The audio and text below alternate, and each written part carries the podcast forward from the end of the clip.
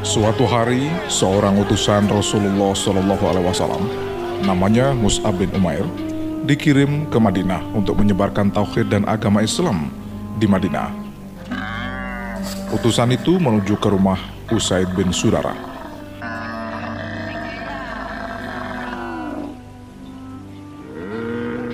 Baru saja Mus'ab sampai ke dekat majelis, tiba-tiba seorang lelaki datang ke majelis itu. Ia duduk di deretan belakang, mendengarkan setiap kata yang keluar dari Mus'ab bin Umair. Saat itu pula, dadanya telah terhirup udara segar yang meniupkan rasa nyaman.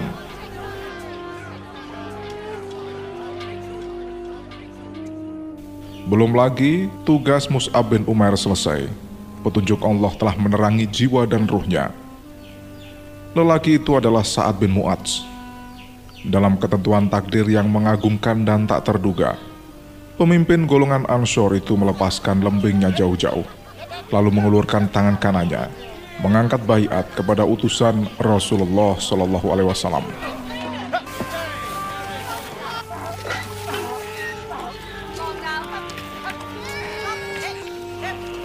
Dengan keislaman saat bersinar pula di Madinah matahari baru, di mana pada garis edarnya akan berputar dan beriringan kolbu serta menarik masa yang tidak sedikit jumlahnya.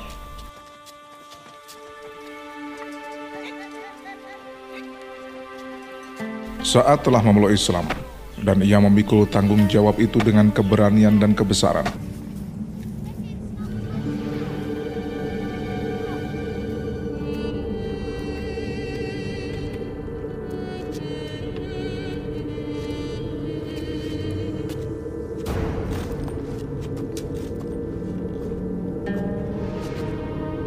Ketika Rasulullah hijrah ke Madinah, maka rumah-rumah kediaman Bani Abdul Anshol, yaitu kabilah Sa'ad, pintunya terbuka lebar bagi golongan muhajirin.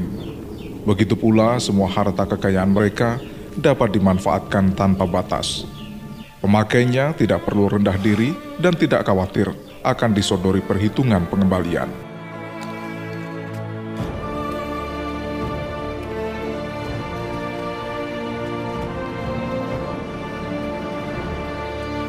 Ketika terjadi perang Badar, Rasulullah Shallallahu Alaihi Wasallam mengumpulkan semua sahabatnya dari golongan muhajirin dan ansor untuk bermusyawarah dengan mereka. Seraya berkata, Sampaikan buah pikiran kalian, wahai sahabat.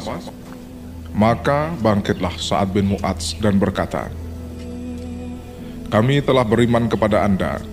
Kami percaya dan mengakui bahwa apa yang Anda bawa itu adalah hal yang benar dan telah kami berikan pula ikrar dan janji-janji kami.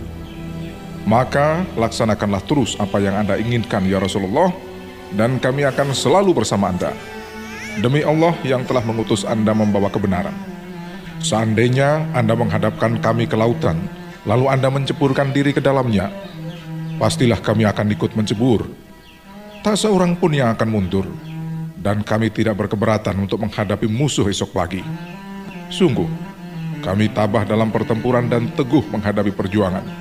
Dan semoga Allah Subhanahu wa taala akan memperlihatkan kepada Anda tindakan kami yang menyenangkan hati. Maka mulailah kita berangkat dengan berkat Allah taala.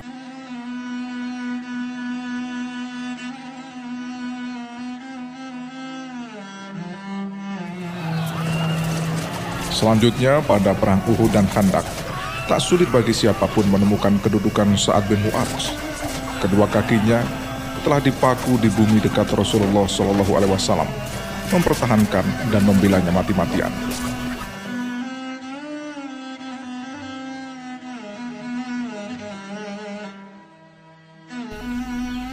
Tatkala Rasulullah Shallallahu Alaihi Wasallam bersama para sahabat telah hidup sejahtera di Madinah, segolongan pemimpin Yahudi diam-diam pergi ke Mekah lalu menghasut orang-orang Quraisy, memberikan janji akan berdiri di samping mereka bila terjadi peperangan dengan orang-orang Islam.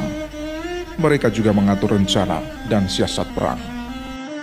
Dalam perjalanan pulang ke Madinah, mereka berhasil pula menghasut suatu suku terbesar di antara suku-suku Arab, yaitu kabilah Gatfan, dan mencapai persetujuan untuk menggabungkan diri dengan tentara Quraisy. Maka ketika Nabi mengetahui pemufakatan jahat itu, beliau mengambil langkah pengamanan. Dimintanya para sahabat menggali handa atau parit perlindungan sekeliling Ka'bah untuk membendung serbuan musuh. Di samping itu diutusnya pula Sa'ad bin Mu'adz dan Sa'ad bin Ubadah kepada Ka'ab bin Asad, pemimpin Yahudi suku Huraida, untuk menyelidiki sikap mereka yang sesungguhnya. Walaupun antara mereka dengan Nabi Shallallahu Alaihi Wasallam sebenarnya sudah ada beberapa perjanjian dan persetujuan damai.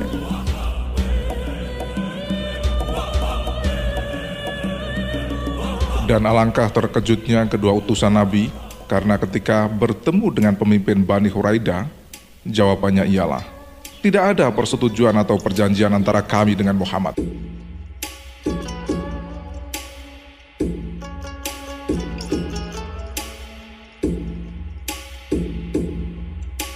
Menghadapkan penduduk Madinah pada pertempuran sengit dan pengepungan ketat terasa berat bagi Rasulullah Shallallahu Alaihi Wasallam. Karena itu, beliau memikirkan siasat untuk memisahkan suku Gadfan dari Quraisy sehingga musuh yang akan menyerang kekuatannya tinggal separuh. Siasat itu segera beliau laksanakan, yaitu dengan mengadakan perundingan dengan para pemimpin Gatfan dan menawarkan agar mereka mengundurkan diri dari peperangan. Dengan imbalan akan memperoleh sepertiga dari hasil pertanian Madinah.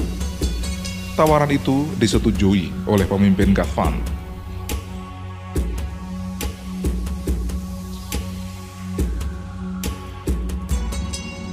Nabi lalu memanggil para sahabatnya untuk merundingkannya, terutama Sa'ad bin Mu'adz dan Sa'ad bin Ubadah. Buah pikiran mereka amat diperhatikan karena mereka adalah pemuka Madinah. Rasulullah menceritakan kepada keduanya peristiwa perundingan yang berlangsung dengan pemimpin Ghafan. Kedua pemimpin itu tampil mengajukan pertanyaan. Wahai Rasulullah, apakah ini pendapat Anda sendiri? Ataukah wahyu yang dititahkan Allah? Rasulullah menjawab, itu adalah pendapatku yang kurasa baik untuk tuan-tuan. Demi Allah, saya tidak akan melakukannya, kecuali karena melihat orang-orang Arab hendak memanah tuan-tuan secara serentak. Maka saat bin Mu'adz berkata, Wahai Rasulullah, dulu kami dan orang-orang itu berada dalam satu kemusyrikan dan pemujaan berhala. Tiada mengabdikan diri pada Allah dan tidak kenal kepadanya sedang mereka tak mengharapkan akan dapat makan sebutir kurma pun dari hasil bumi kami, kecuali bila disuguhkan atau dengan cara jual beli. Sekarang, apakah setelah kami memperoleh kehormatan dari Allah dengan memeluk Islam dan mendapat bimbingan untuk menerimanya, dan setelah kami dimuliakannya dengan Anda dan dengan agama itu, kami harus menyerahkan harta kekayaan kami? Demi Allah, kami tidak memerlukan itu. Dan demi Allah, kami tidak akan memberi kepada mereka kecuali pedang, hingga Allah menjatuhkan putusannya dalam mengadili kami dengan mereka.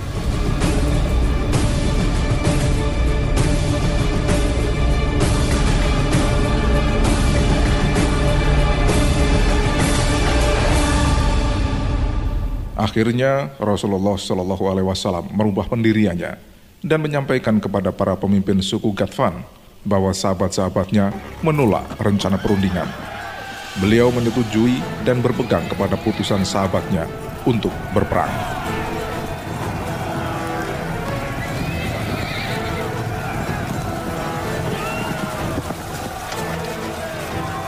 Selang beberapa hari, kota Madinah telah dikepung secara ketat.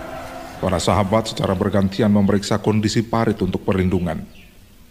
Ketika saat Mu'adz keluar membawa pedang dan tombaknya, lengannya disambar anak panah yang dilepaskan oleh salah seorang tentara musyrik.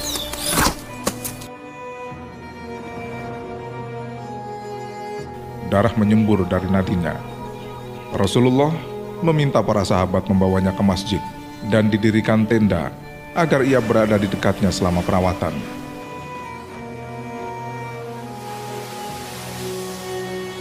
Ketika saat digotong di sebuah masjid, ia memandangi langit dan berdoa, Ya Allah, jika dari peperangan dengan Quraisy itu masih ada yang engkau sisakan, maka panjangkanlah umurku untuk menghadapinya.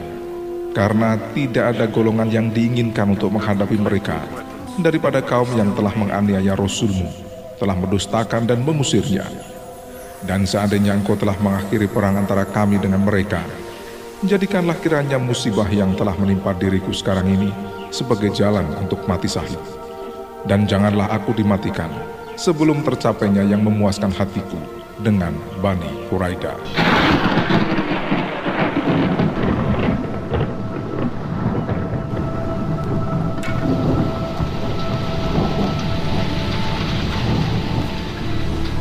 Permohonan Sa'ad bin Mu'adz dikabulkan Allah Subhanahu wa taala.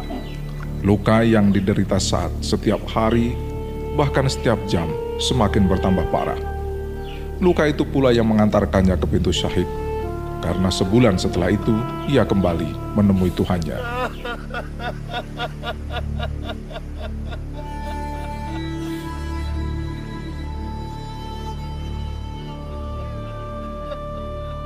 Seorang sahabat namanya Abu Sa'ad Al-Khudri bercerita kepada Rasulullah Shallallahu Alaihi Wasallam, "Ya Rasul, saya adalah salah satu orang yang menggali makam untuk Sa'ad bin Mu'adz. Setiap kami menggali satu lapisan tanah, tercium oleh kami wangi kesturi hingga sampai ke liang lahat. Musibah dengan kematian saat terasa berat sekali bagi kaum muslimin. Tetapi hiburan mereka juga tinggi nilainya, karena mereka dengar Rasul berkata, Sungguh, arasi Tuhan yang Rahman bergetar dengan berpulangnya Sa'ad bin Mu'adz.